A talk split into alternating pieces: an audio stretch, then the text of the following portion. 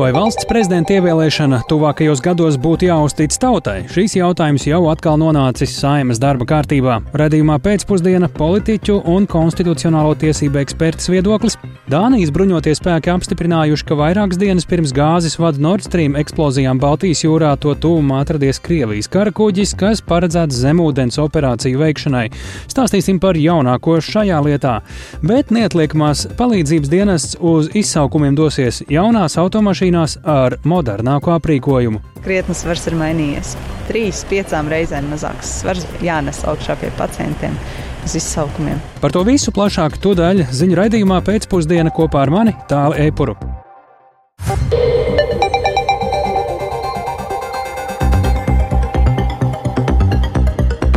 Labdien! Pūkstens rāda 16,5 minūtes, skan pēcpusdienas ziņu programma, skaidrojot šodien svarīgus notikumus. Studijā tālāk Eipurs. Vai valsts prezidenta ievēlēšana tuvākajos gados būtu jāuztic tautai? Šīs jautājums Latvijā viļņveidīgi uzpeld jau kopš neatkarības atjaunošanas. Līdz satversmes un citu likumu grozīšanai par citādu valsts prezidenta ievēlēšanas kārtību saima vairākos sasaukumos tā arī nav tikusi, lai gan centienu nav trūcis. Šobrīd saimnes komisija deputāti, kuriem kārtējo reizi ir uzticēta šī jautājuma izvērtēšana, gatavojas izsvērtām debatēm no rudens. Vairāk Jāņa Kīņš sagatavotajā ierakstā. Jau 1993. gadā Latvijā vāca parakstus idejai par tautas vēlētu prezidentu, taču neveiksmīgi. Sabiedriskās domas pētnieku SKDS aptauju dati jau kopš 90. gadu beigām apliecina, ka tuvu 80% balstīsīgo atbalstītu valsts prezidenta ievēlēšanu ar sabiedrības rokām. 2017. gadā saimnes darba grupa sniedza visaptverošu atzinumu, kā varētu mainīt prezidenta ievēlēšanas kārtību un palielināt viņa pilnvaras.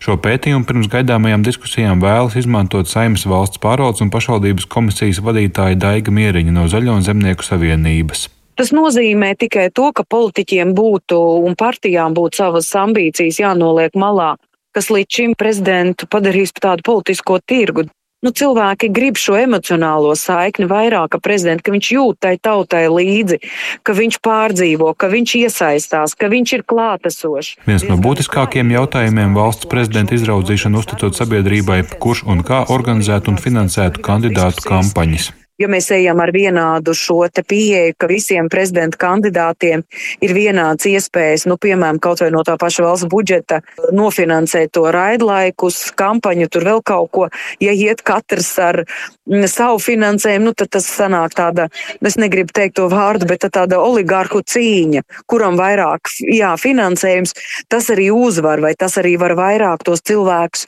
iespaidot ar uh, savu klātbūtni. Viedokļi 14. saimas frakcijās kandidāts par tautas vēlētu prezidentu atšķiras, taču ar 11,733 parakstiem virzītais priekšlikums saimnes komisijām nodots teju vienbalsīgi. Iniciatīvas autori argumentēja, ka šāda demokrātiska iespēja ir spēkā 18 valstīs, tajā skaitā Lietuvā, kur valsts prezidenta vēlēšanas ir populārākas par seimu un vietvaru vēlēšanām. Lietuvā prezidenta amata pretendentiem ir jāsavāc ne mazāk kā 20 tūkstoši Lietuvas pilsoņu vēlētāju parakstu, lai kļūtu par oficiālu kandidātu. Prezidents ir ievēlēts, ja ir saņēmis vairāk nekā 50% vēlētāju balsu, un ja vēlēšanās piedalījušies vairāk nekā puse reģistrēto vēlētāju. Šo modeli kā izvērtējumu atzīst Saimas juridiskās komisijas vadītājs Andrejs Judins no jaunās vienotības. Viņš šo diskusiju neforsēs un nesāks uzreiz mājā mēnesi pirms drīzajām valsts prezidenta vēlēšanām. Tas ir gan politisks, gan juridisks jautājums, tajā skaitā par prezidenta pilnvaru izvērtēšanu un citiem aspektiem, uzsvēra Judins. Lieta, ko es neatbalstu, es nedomāju, ka mums ir jātaisa no parlamentāras prezidentālo republiku. Par to es esmu pārliecināts, jo ir pārāk lieli riski. Jo tad eh, no viena cilvēka ir atkarīgs eh, gan iekšpolitiskais, gan ārpolitiskais kurs, jā, un, un tā lielākas iespēja demokrātiju pazaudēt. Īpaši eh, valsti, kur bija arī okupēta un pārdzīvoja autoritāro režīmu, jā, un tad tāpēc uzmanīgi bez steigas, bet uh, diskusija būs. Saimnes valsts pārvaldes un pašvaldības komisijas deputāts Oļegs Burovs no partijas Latvija pirmajā vietā piekrīt, ka steigai šajā jautājumā nav pamata. Galvenais jautājums ir, lai valsts prezidenta izvēle izdarītu plašāku sabiedrību, nevis partiju kuluāru sarunās. Vai to ieviest, vajadzētu noskaidrot referendumā. Mēs visu laiku runājam par to, ka ar katru gadu mums ir vairāk apātie, cilvēki nebalso, ir lielas bažas arī par Eiroparlamentu rezultātā mēs diskutējam, bet diskusijas rezultātā ir referendums par to, ko doma tauta. Rezumē, parlamentāra republikā ar tautas vēlēto prezidentu faktiski ar tādam pašam pilnvaram. Lai mainītu satvērsmi valsts prezidenta ievēlēšanas kārtības maiņai, ir vajadzīgs divu trešdaļu saimnes deputātu atbalsts. Vai parlamentārieši varētu nonākt līdz lēmumam, kurā faktiski ierobežo savus pilnvaras, rādīs no rudens gaidāmās diskusijas. Taču šādā gadījumā referendums varētu būt teju vienīgais veids, kā noskaidrot sabiedrības vēlmi vēlēt valsts prezidentu. Jānis Kincis, Latvijas radio. Ja politiķi izvēlas virzīt tālāk tautas vēlēt prezidenta ideju, ar ko tad jārēķinās šādā procesā, kādi jautājumi jāsakārto pirms ko tādu ieviest, gan runājot par valsts drošību, gan, piemēram, par parlamenta vai valdības pilnvarām. To jautājām konstitucionālo tiesību ekspertei zvērnātai advokātei Ilzē Plakanai. Pirmais, es domāju, būs jautājums par prezidenta pilnvarām, funkcijām, par to palielināšanu, sadali. Tas jautājums būs neizbēgami. Un, protams, tas ir drošības jautājums, ņemot vērā, ka vienu cilvēku ietekmēt ir vieglāk, un ņemot vērā, ka šim vienam cilvēkam jau šobrīd, kā valsts prezidentam, ir pietiekami liels pilnvars īpaši kara gadījumā. Tādēļ noteikti, noteikti tas ir pilnvaru jautājums. Kā sadalīt pilnvaras vai viņas paplašināt prezidentam? Bet nu, arī tagad tas ir viens cilvēks. Jā, tas ir viens cilvēks, bet šis cilvēks šobrīd ir saimnes vēlēts, un, protams, ka viņš ir kompromisa figūra. Saima jau šobrīd ir visplašākā tautas pārstāvniecība. Un viņš šo prezidentu ir izvēlējušies balstoties uz to, kāda ir vēlētāju politiskā tendence. Līdz ar to šādu prezidentu ir grūtāk ietekmēt nekā vienu personu, kura ir ievēlēta tieši, kurai vairs nav šīs tiešās sasaistes ar parlamentu. Tad, ja, piemēram, ir jau kāds prezidents, kurš gaida nākamās vēlēšanas, vai tas nebūtu kaut kā juridiski jāpievērš uzmanība, ka šāds prezidents var rīkoties pietiekami populistiski un neizsvērti, impulsīvi, kaut vai atlaižot saimu vai kā citādi? Taisnība, ļoti daudz kas var notikt šādam tieši vēlētam prezidentam. Protams, atkarībā no viņa personības var rasties arī pārcentīga vēlme izdabāt vienam vai otram elektorātam, jo noteikti būs daļa daļa, kas par viņu nebūs balsojusi, daļa būs, kas būs balsojusi. Protams, ja mēs skatāmies kaut kādā pilnvaru paplašināšanas kontekstā, tad viennozīmīgi tas ir risks, kad ar dažādiem populistiskiem gājieniem vai radikāliem gājieniem tiek mēģināts kaut kādā veidā ietekmēt nākošo vēlēšanu rezultātu. Es ļoti maz dzirdu no tiem pašiem iniciatoriem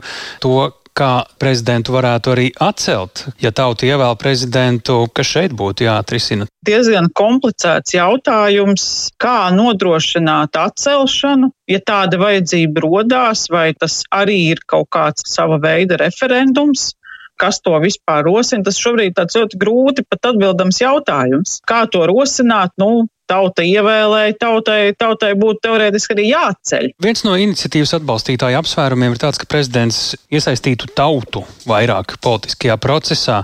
Jūs redzat juridiskus ceļus, kā ko tādu realizēt, vai šis ir tās drīzāk politisks sauklis? Nav tā skaļi dzirdēts, ka valstīs, kur ievēl prezidentu tauta, ka viņi ikdienā priecātos, ka nu, viņi šobrīd ar prezidentu ietekmē to politiku. Piekrīt jūsu teiktajam, ka tas drīzāk ir tāds emocionāls sauklis, lai it kā pamatīgi pamatotu, kādēļ vēlēšana sistēma būtu jāmaina, bet nav īsti šo mehānismu, kā tad prezidents tiešā veidā varētu ar, ar tautu sadarboties, lai iesaistītu šo tautu vairāk politiskajā procesā, jo īpaši mēs runājam par demokrātisku valsti, nevis varbūt autoritāru vai, vai diktatorisku valsti, kur, protams, kā prezidenta loma ir pilnīgi cita. Jā, mēs zinām to pašu Krieviju, kur Putins taisīja dažāda veida priekšnesumus, kur viņam zvana tiešajā ēterā un viņš risina tautas problēmas.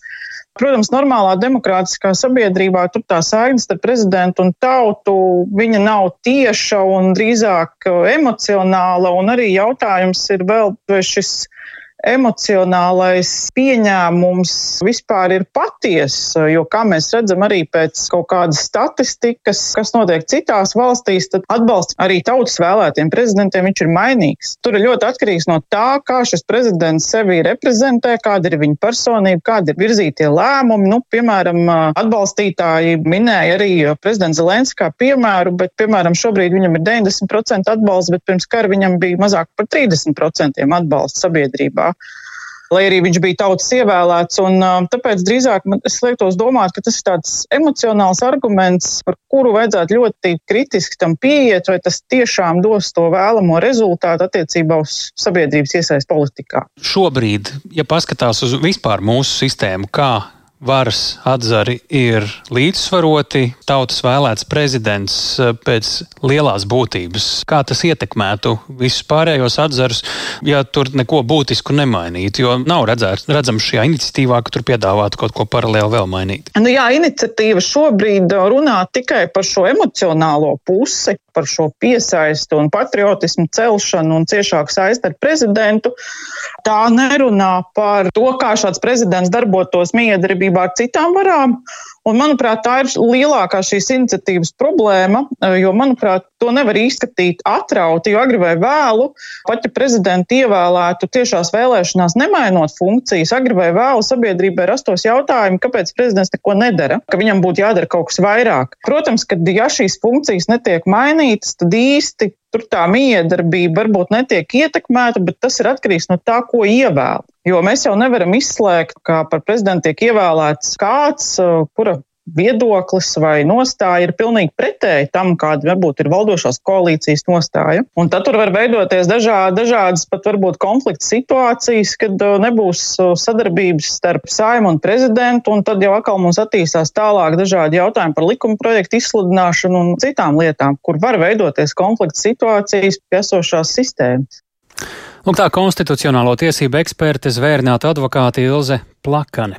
Bet kamēr par šādām izmaiņām vēl tikai tiks spriests, citas izmaiņas likumos jau pavisam drīz stāsies spēkā. Liela daļa televīzijas kanāla Latvijā būs spiesti atslēgt Krievu valodas tulkojumu celiņu. To no 1. māja paredz grozījumu elektronisko plašsaziņas līdzekļu likumā.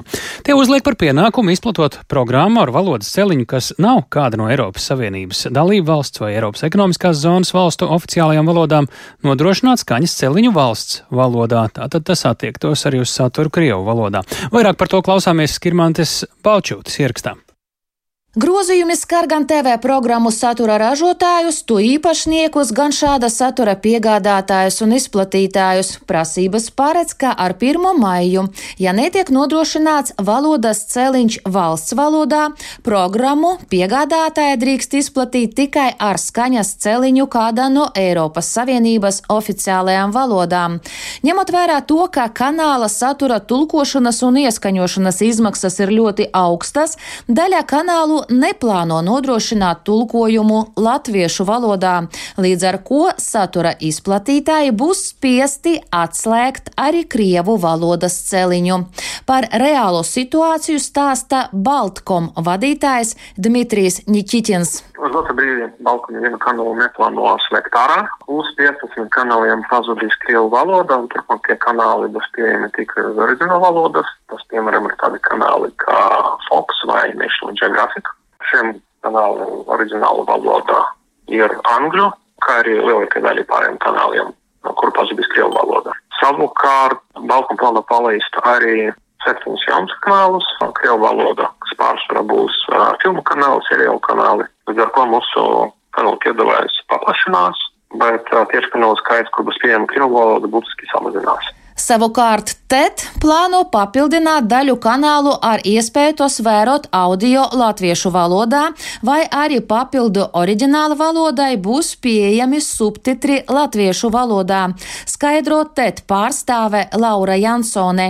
TET piedāvās vairāk televīzijas kanālus latviešu valodā nekā tas ir līdz šim. TET klientiem pieejamo televīzijas kanālu skaits paliks nemainīgs. Tas nozīmē, ka tie kanāli, kuriem līdz šim bija pieejami divi audio celiņi, oriģināla valoda un krievu valoda, bet nebija pieejama latviešu valoda, turpmāk būs skatāmi oriģināla valodā. Savukārt vairāki televīzijas kanāli astoņu tekstu piedāvājumā tiks papildināti ar audio celiņu latviešu valodā un vairākiem uh, televīzijas kanāliem papildus oriģinālu valodai būs pieejami arī subtitri latviešu valodā.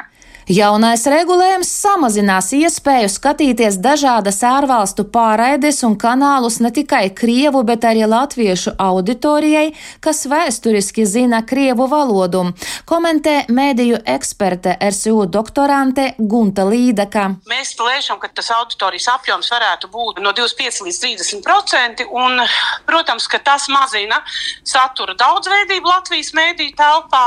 Tas veicinās pirātismu apjomu palielināšanos eh, Latvijas mēdīju vidē, kas sarežģīs arī iespēju sasniegt auditorijas. Patiesībā lielāko daļu šis lēmums skars gados vecāku auditoriju, kura nespēs pārorientēties ne uz angļu, ne citām Eiropas Savienības valodām. Likuma grozījumi tika pieņemti ar mērķi stiprināt Latvijas piedarību Rietuma Eiropas kultūra telpai, kā arī aizsargāt nacionālās drošības intereses, bet tiem īsti nav sakara ar Krievijas kanāliem un to propagandu, jo tie Latvijā jau sen ir aizliegti. Skirmante Baļķute, Latvijas radio.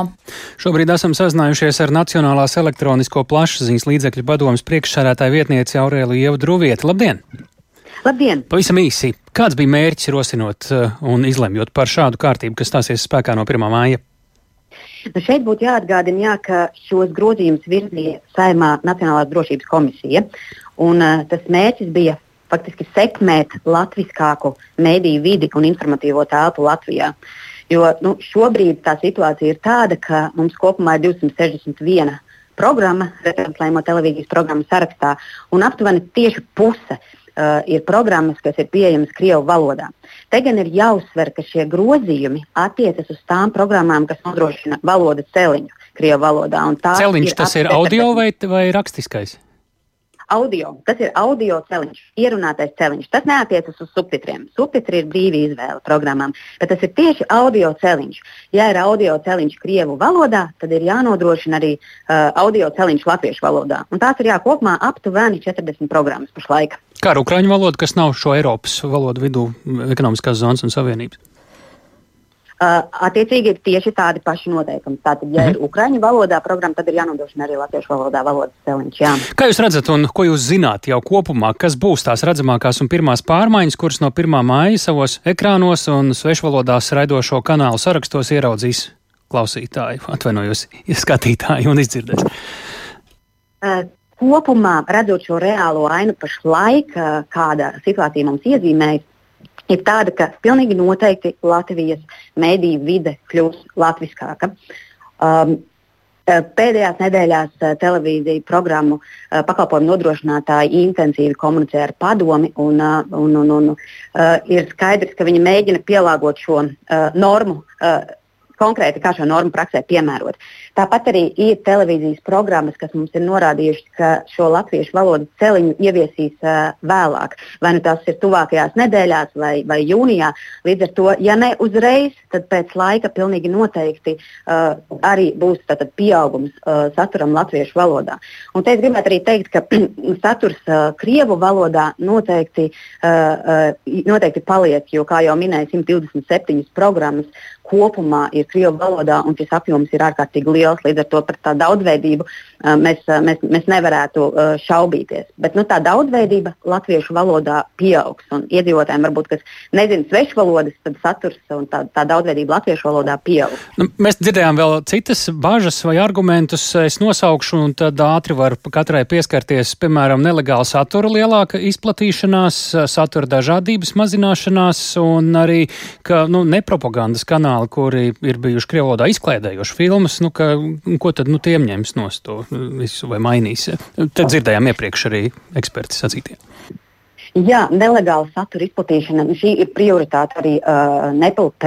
Uh, viena no prioritātēm, kur mēs uh, plānojam stiprināt savu kapacitāti, un arī kultūras ministrijā šobrīd ir, ir, ir grozījumi kopumā par, par, par nelegālo digitālo uh, saturu, uh, kas, kas tiešām būs pilnīgi jauna funkcija. Padomē, ja šie grozījumi tiks pieņemti, līdz ar to jā, tā, tāds risks pastāv, bet mēs aktīvi strādājam šajā jomā, un arī iekšlietu ministrijai tā šobrīd ir viena no uh, uh, būtiskām prioritātēm uh, šajā gadā. Uh, par daudzveidības mazināšanos, uh, nu, kā jau minēju, saturs Krievijas valodā ir, ir, ir jau ārkārtīgi daudzveidīgs šobrīd, un, un tā daudzveidība saglabāsies. Bet mēs redzam, jā, ka daudzveidība saturam latviešu valodā būs lielāka. Nu, un eh, vēl te saka, ka cilvēki, kur vecāka gada gājumā zina tikai latviešu un krievu valodu, piemēram, nu, ka viņiem eh, varētu būt sarežģītāk eh, tagad pie, pie, piekļūt tam saturam kā līdz šim.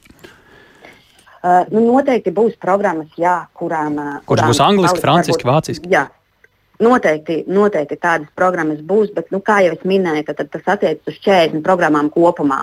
Un, un, un, tad, protams, 1. maijā mēs redzēsim to reālo ainu, kāda tā ir, cik, cik programmas uh, nodrošinās tikai oriģinālu valodā.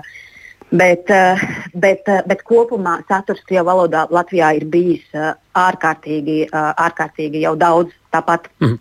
Paldies par sarunu Aurēlija Ievadruvieta, Nacionālās elektronisko plašsaziņas līdzekļu padomas priekšsērētāja vietniece. Dodamies tālāk pie nākamā temata, kas arī ir saistīts uh, visam noteikti ar ģeopolitiku. Dānijas bruņoties spēki apstiprina, ka dažas dienas pirms gāzes vada Nord Stream sprādziena notikuma vietas tuvumā ir redzēts Krievijas kuģis. Tā vēsta Dānijas laikraksts informācija. Šāda tipa kuģi var aprīkot arī ar nelielu zemūdeni. Informācija par tādu atrašanos netālu no sprādzienu vietas ir izskanējusi arī iepriekš, tomēr tagad Dānijas varas iestādes apstiprina, ka viņu rīcībā ir pat fotografijas, kas to pierāda. Lai stāstītu par to plašāk, mēs esam sazinājušies ar mūsu Brīseles korespondentu Arķomu Konohovu. Labdien, Arķom, par ko liecina šīs fotografijas, kas atrodas Dānijas bruņoto spēku rīcībā, un vai tās ir arī plašāk pieejamas aplūkošanai? Labdien, klausītāji, labdien, tālu. Tik tiešām šīs inform informācija par šādu fotografiju esamību ir būtiskākais jaunums eh, šīs dienas stāstā. Proti, iepriekš tika runāts par to, ka šāds kuģis varētu atrasties, ka vairāki Krievijas kuģi varētu būt devušies no Kaļiņingradas, Dānijas Bornholmas salas tuvumā, un to ir um, teikuši eksperti, kas ir analizējuši publiski pieejamo informāciju.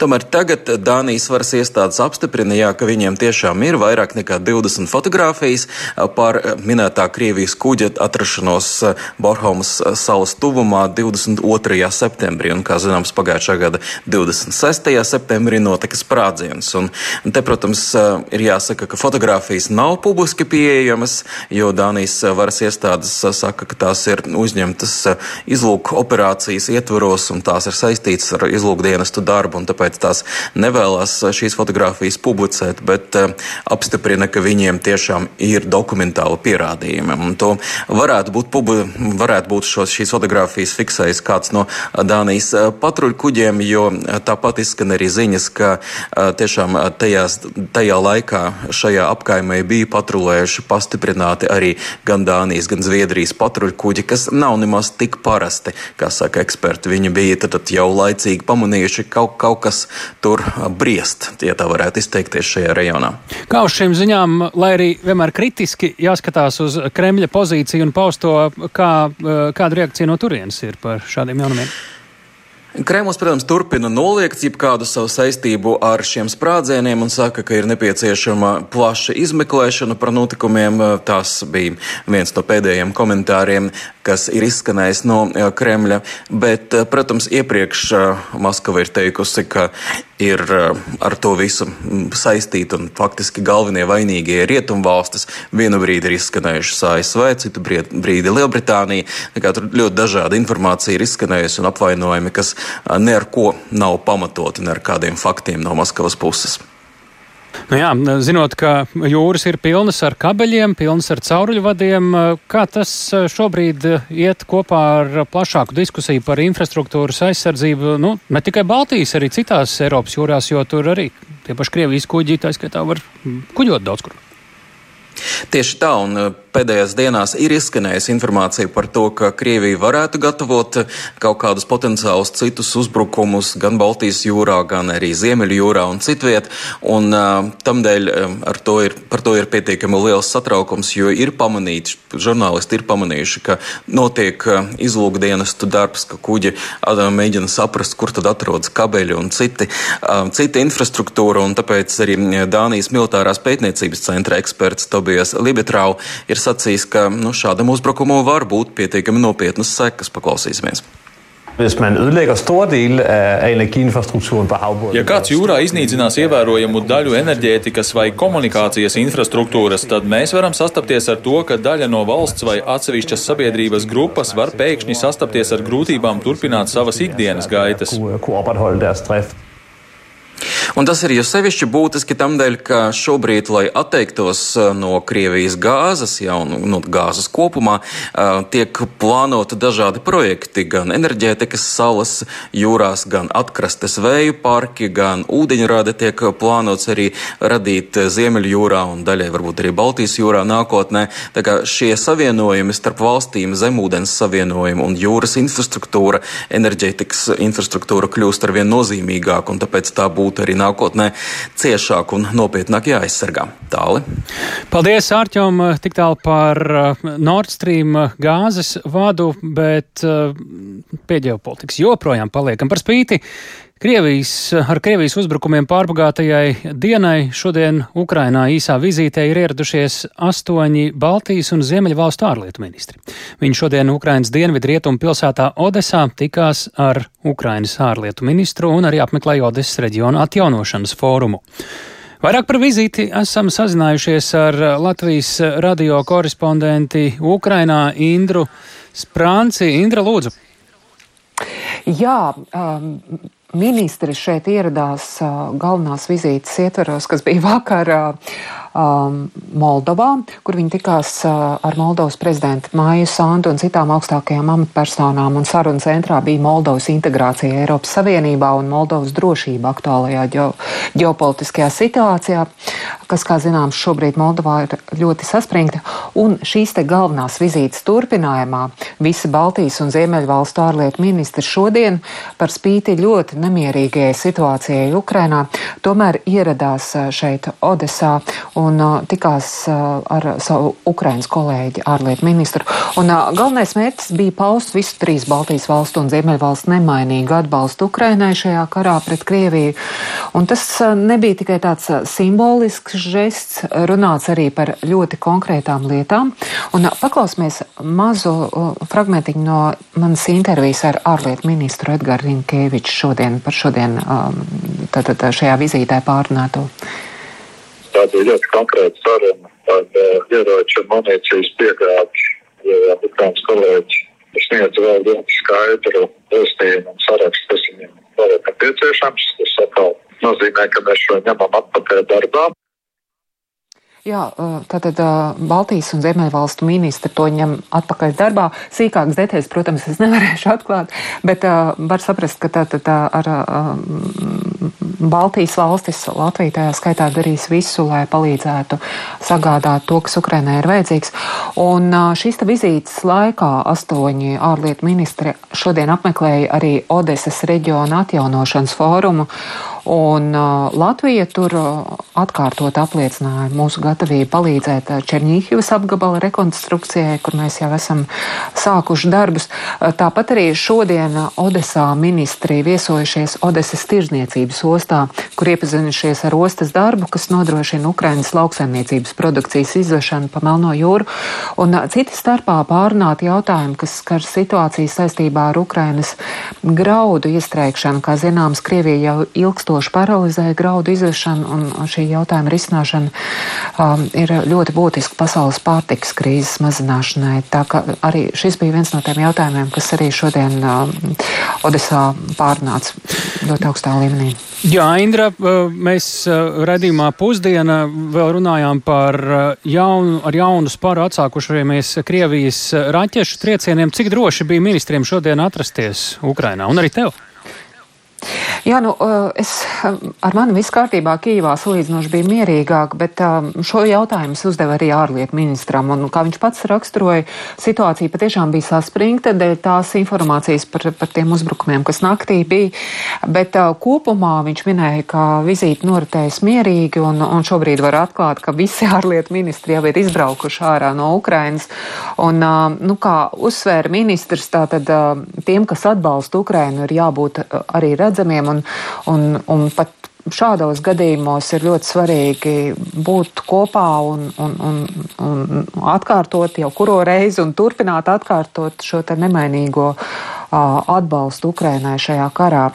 Un jāsaka, ka Latvija ir viens no tās, nu, ilgs, tad, tad šī nav pirmā Rinkēviča vizīte Ukrainā un Un arī viss Latvijas kopējais atbalsts ir ļoti ievērojams uz rietumu valstu fona. Tātad tā, mēs arī esam um, atgādinājuši, ka kopumā jau Ukrainai snieguši atbalstu vairāk kā 500 miljonu eiro apmērā, kas veido 1,24% no Latvijas iekšzemes koprodukta, un tas ir viens no augstākajiem rādītājiem starp rietumu valstīm. Un, un tāpēc Latvija to ir darījusi un turpinās atbalst, uh, darīt, un, un tas arī ir tas galvenais vēstījums, ko šodien ministri, ārlietu ministri šeit Ukrainā vēlējās nodot.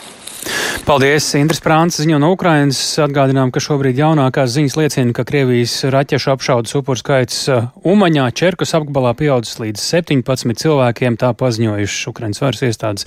Arī trīs bērni ir gājuši bojā šajā triecienā. Bet kamēr starptautiskā sabiedrība domā par visas Ukrainas atjaunošanu, arī Latvijā ir notikusi kāda ļoti svarīga, šajā gadījumā autoparka atjaunošana. Trīs vienā - jauni auto, jauns aprīkojums un mūsdienīgi informācijas tehnoloģija risinājumi. Neatliekamās medicīniskās palīdzības dienests ir nopircis 110 jaunus auto, līdz gada beigām pirks vēl 47. Ar ko tie atšķiras no jau esošajiem, kur paliks vecās mašīnas un kā jauno tehniku vērtē paši mediķi, plašāk Agnijas Lazdiņas reportāžā. Neatliekamās palīdzības mediķi, kas ikdienu dodas izsaukumos, ņem līdzi aprīkojumu dzīvības glābšanai, kas sver vairāk nekā 30 kg. Taču līdz ar jaunajiem auto ir iegādātas arī jaunas medicīniskās ierīces, kas ir daudz kompaktākas, vieglākas un ērtākas. Vecais un jaunais, kurš ir uh, rokas somiņas svarā. Un, nu, labi, kāda katram tā rokas somiņa. Teiksim, jā, teiksim, salīdzinoši, ja šis svar aptuveni 15 kg, tad šis te ir 5. Ja? Mediķi rāda defibrilatoru, iekārtu, kas tagad sver trīs reizes mazāk. Arī plaušu mākslīgais ventilācijas aparāts, kas ir smaga, neparocīga ierīce un ko reizēm mediķi nes divatā, tagad ir plaukstas izmērā un sver vien 1,4 kg. Kā stāsta neatliekamās medicīniskās palīdzības dienesta ārsta palīdza Liene Plēsuma, kas jau pārvietojas ar vienu no jaunajiem auto, ērta un viegla aparatūra arī krietni atvieglo darbu. Oh, vieglas, vieglas sajūtas nesalīdzinām. Ne, salīdzināmi ar to iepriekšējo tehniku, kas mums bija un kas ir tagad, tas ir krietni svars ir mainījies. Trīs, trīs piecām reizēm mazāks svars jā, jānes augšā pie pacientiem uz izsaukumiem. Jaunās mašīnas ir ar automātisko pārnesumu kārbu, tām ir četru riteņu piedziņa, kā arī uzlabota apakšējās daļas aizsardzība pret akmeņu triecieniem. Tāpat ir domāts arī par drošību. Pacientu nodalījumā ir ierīkoti sensori, kas ziņo šoferim, ja kāds nav piesprādzējies, savukārt medikamentu skapīšu durtiņas izveidotas tā, lai, piemēram, straujas bremzēšanas dēļ saturs paliktu vietā un netiktu bojāts, kā arī ir uzlabota auto navigācijas iespēja un datu un informācijas apmaiņas starp brigādēm un operatīvo vadības centru. Nenoliedzami ir patīkami braukt ar jaunu automašīnu. Tā uzsver neatliekamās medicīniskās palīdzības dienesta operatīvā medicīniskā transporta līdzekļa vadītājs Rolands Lēņš. Viņš norāda, ka gan jaunās automašīnas, gan jaunais aprīkojums uzlabos brigāžu operativitāti. Jā, ņemot vērā to, ka visas šīs automašīnas ir pilnpiedziņas automašīnas, tas nozīmē, ka mēs varam piekļūt tuvāk pacientam grūti piebraucamās vietās. Nu, smilšaini ceļi, dubļaini ceļi, sniegots aplicis, ceļš tas attiecās uz reģioniem. Tas noteikti ir liels pluss, ka ir pilnpiedziņa. Otrs plus, kas atvieglo un uzlabo teiksim, satiksmes drošību, tās ir automātiskā transmisija mašīnai. Protams, arī eh, jaunā aparatūra, kur ir vieglāk nest. Tas nozīmē, ja mums ir kaut kāds lielāks gabals jāiet ar kājām, tad mēs tik ļoti nenogurstam tiekot līdz pacientam, jo aparatūra ir vieglāka, ar kuru mums jādodas pie pacienta. Gadā viena neatliekamās palīdzības mašīna nobrauc ap 60 tūkstošiem kilometru. Lauku teritorijās tie var būt pat 100 tūkstoši, kas ir kā divas ar pusi reizes ar auto braukt apkārt pasaulē. Kā stāsta neatliekamās medicīniskās palīdzības dienesta transporta nodrošinājuma departamenta vadītājs Egils Lapiņš, līdz Līdz šim tikai 35% neatliekamās palīdzības mašīnu bija labā tehniskā stāvoklī, jeb tādas, kas ir jaunākas par pieciem gadiem un ar nobraukumu līdz 300 tūkstošiem kilometru. Ja lielākoties visi izmanto transporta līdzekļus nu, 8 vai 12 stundas diennaktī, mēs izmantojam 24 stundas diennaktī. Līdz ar to šie gadi mūsu gadījumā krietni lielāku resursu paņem katram transporta līdzeklim. 35% bija tikai šādi zem 300 tūkstoši nobraukumu. Attiecīgi mums bija liels atteikumu skaits, liels remontu skaits un daudz problēmu tieši uzturot un, un nodrošinot eksploatāciju transporta līdzekļiem. Jaunie operatīvie auto pakāpeniski nonāks mediķu rīcībā visā Latvijā, taču vecos paturēs rezervei. Agnija Lazdiņa, Latvijas radio. Un tagad par kaut ko tādu, ko daudzi saka, iepriekš nekad nav redzējuši.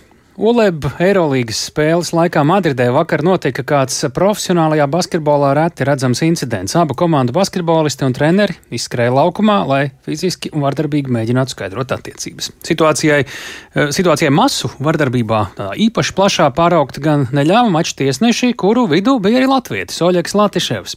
Pēc emociju norimšanas tiesneši pieņēma kādu vēl retāk basketbolā pieredzētu notikumu vai lēmumu, proti izziņoja spēli par beigušos vēl pirms nospēlēšanas nospēlētajām pamatlaika 40 minūtēm. Lai komentētu šo incidentu, studijā ir kolēģis no sporta ziņu nodaļas Mārtiņš Kļavnieks. Sveiks, Mārtiņ! Sveiks, tālāk, sveicināti klausītāji! Nu, ko, tie, kuri varbūt nav basketbola eksperti, ULEB Eirolandes spēle, tas, eh, eh, cik no es zinu, ir pats augstākais basketbola līmenis, kāds Eiropā vispār ir. Ja? Tā ir, jā, kluba basketbolā noteikti. Un tur savukārt šajā līgā šobrīd notiek izšķirošās cīņas par iekļūšanu fināla četrniekā. Tātad sezona, sezonas pati, pati kulminācija Baltkvēle jau gandrīz ir sasniegta. Tātad pašā uzmanības centrā tieši šis notikums. Eh, kāda ir tā būtība? Nu, droši vien jāprasa, kā tas sākās. Ar kā izprovocējās. Jā, respektīvi, situācija kāda spēlē Madridē. Belgradas partizāna atbrauc ciemos pie Madrides Reāla un nu, spēle rit vairāk tomēr partizāna zīmē. Rezultātu tablo rāda 95 pret 80 tieši partizāna viesu labā. Viņiem arī uzbrukums un minūte un 42 sekundes pirms beigām apmēram. Tad arī partizāna dodas uzbrukumā nu, un tad arī sākās šis, šis te, šī dzirkstele uzšķīlās, kas arī to visu tālāko vardarbību vai pūļu efektu arī veicināja runāja, tātad, nu jā, Partizāns saspēles vadītājs Kevins Panters juniors, tātad spēlē ar bumbu, viņas atz reāli pirmais numurs Sergio Ļuļs un Spānis viņam izpild tādu agresīvu piezīmi pret šo te amerikāni, un tas arī aizšķīl šo, šo dzirksteli, tad viss arī saskrien laukumā tur arī un sākās dažādi, dažādi veidi kautiņi, viens pret viens, divi pret viens, tā tālāk. Kāds kā dūru vicināšana, hokejam, hokejam līdzīgi. Nu, gandrīz, jā. Viens, piemēram, viens reāls spēlētājs paņem no aizmugures aiz kakla, sāk žņaukt, piemēram, partizāna spēlētāju, tas atbrīvojas, iesit viņam pa vēderu, bet tad pieskrien cits konkrēts Madrides reāls spēlētājs. Um, jā, Francijas spēlētājs, starp citu, jā, Geršons Jabusele paņem šo te austrāliešu spēlētāju no partizāna rindām, vienkārši nomet uz grīdas ar muguru um, pret grīdu, kas ir ļoti bīstami. Tas ir tiešām kaut kas pilnīgi neredzēts, man liekas, tādā jā. pat vidēja līmeņa profesionālajā basketbolā Cik bieži kaut kas tāds vēl ir? Nu, teikšu atklāti, es neko tādu nebiju redzējis, un cik palasīju atsauksmes arī publiskajā telpā, tīmeklī, basketbola speciālisti, pieredzējuši veterāni, bijušie basketbolisti, treneri raksta, ka viņi arī neko tādu nav redzējuši. Un bijuši ir tādi, tādi emociju uzplūdi, kad viss saskrien laukumā, nu tikai kaut kas būs, kaut kas tāds. Viens otram ļoti tuvu skatās acīs. Jā, jā, jā, bet tik ļoti tā, tā nav bijis. Kā tiesneši šo visu atrisinājumu, kāda ir tā viņa loma? Arī Oļega Latiševa, mūsu tiesneša loma. Jā, Oļegs Latiševs izcelš, ka nav augumā tas ražīgākais tiesnesis. Tas varbūt izskatās drusku amizanti, ka viņš mēģināja to visu mm, noklusināt, bet ļoti pareizi darīja to. Visi tiesneši mēģināja un mēģināja galvenais izšķirt tos eh, mazos eh, perēklīšus, kur veidojas šie konflikti, kur kāds ar kādu kāvās, tā lai tas tiešām nepāraugtu tādā masveida kautiņā. Oļegs Latiševs visus dzina malā un arī svilpi izmanto ļoti aktīvi un uh, lika manīt, ka viss emocijas norimstam un beidzam, beidzam šo konfliktu. Nu, tagad, kas seko tādam incidentam, tas arī ir ļoti svarīgi. Spēlē nebeidzās 40 minūtēs, bija 15 punktu pārsvars Partizāna komandai. Kas tālāk? Uzvara arī ir Partizāna komandā. Jā, tātad nospēlētas 38 eh, minūtes un 40 sekundes. Tātad minūte, eh, minūte 40, jā, 38, 20. Eh, palika vēl ko spēlē, bet tiesneši pēc ilgām diskusijām nolēma, ka šī, šī spēle nav jāturpina, jāpasludina par beigušos.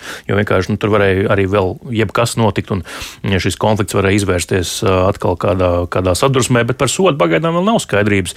To Eirolīga oficiāli nav vēl izziņojusi, bet neoficiāli izskan, ka sankcijas draudz draud gan reāli klubam, gan arī konfliktā iesaistītajiem spēlētājiem, īpaši jau minētajiem Jabus Selem, kurš tad ir šo austrālieti no partizāna rindām nomet pret, eh, pret zemi, mm, tā sakot, un nu, viņam piespriestais sots varētu būt ļoti, ļoti bargs. Nu, ko, nu, man, man tas liekas tāds, nu, turpmāk, ja gribēs saglabāt uzvaru, jāizprovocē pretinieku skautiņu, vai kā? Nu, ceru, ka nē, bet uh, galvenais, kas jāuzsver nākamā abu komandu spēle, jo šī ir spēļu sērija, notiks Belgradā, tātad Partizan mājā. Zinām, kāda ir Belgradas basketbola līdzekļa, ne Traki. tikai basketbola. 2. maijā šī spēle, jā, un tad, uh, nu, tur jau Partizan fani jau uh, Twitterī raksta, ka sagaidīsim reāli kārtīgi, bet galvenais, kas jāuzsver, ka spēlētāji, kur sāk šo konfliktu, abi viens otram ir atvainojušies un teikuši emocijas malā, spēlējam basketbolu. Paldies! Sakām Mārtiņam Kļaviniekam. Šis arī viss raidījumā pēcpusdiena. Lai jums ļoti labas, vairāk nekā divas brīvdienas. Raidījums pēcpusdiena otrdien būs atpakaļ 16.5.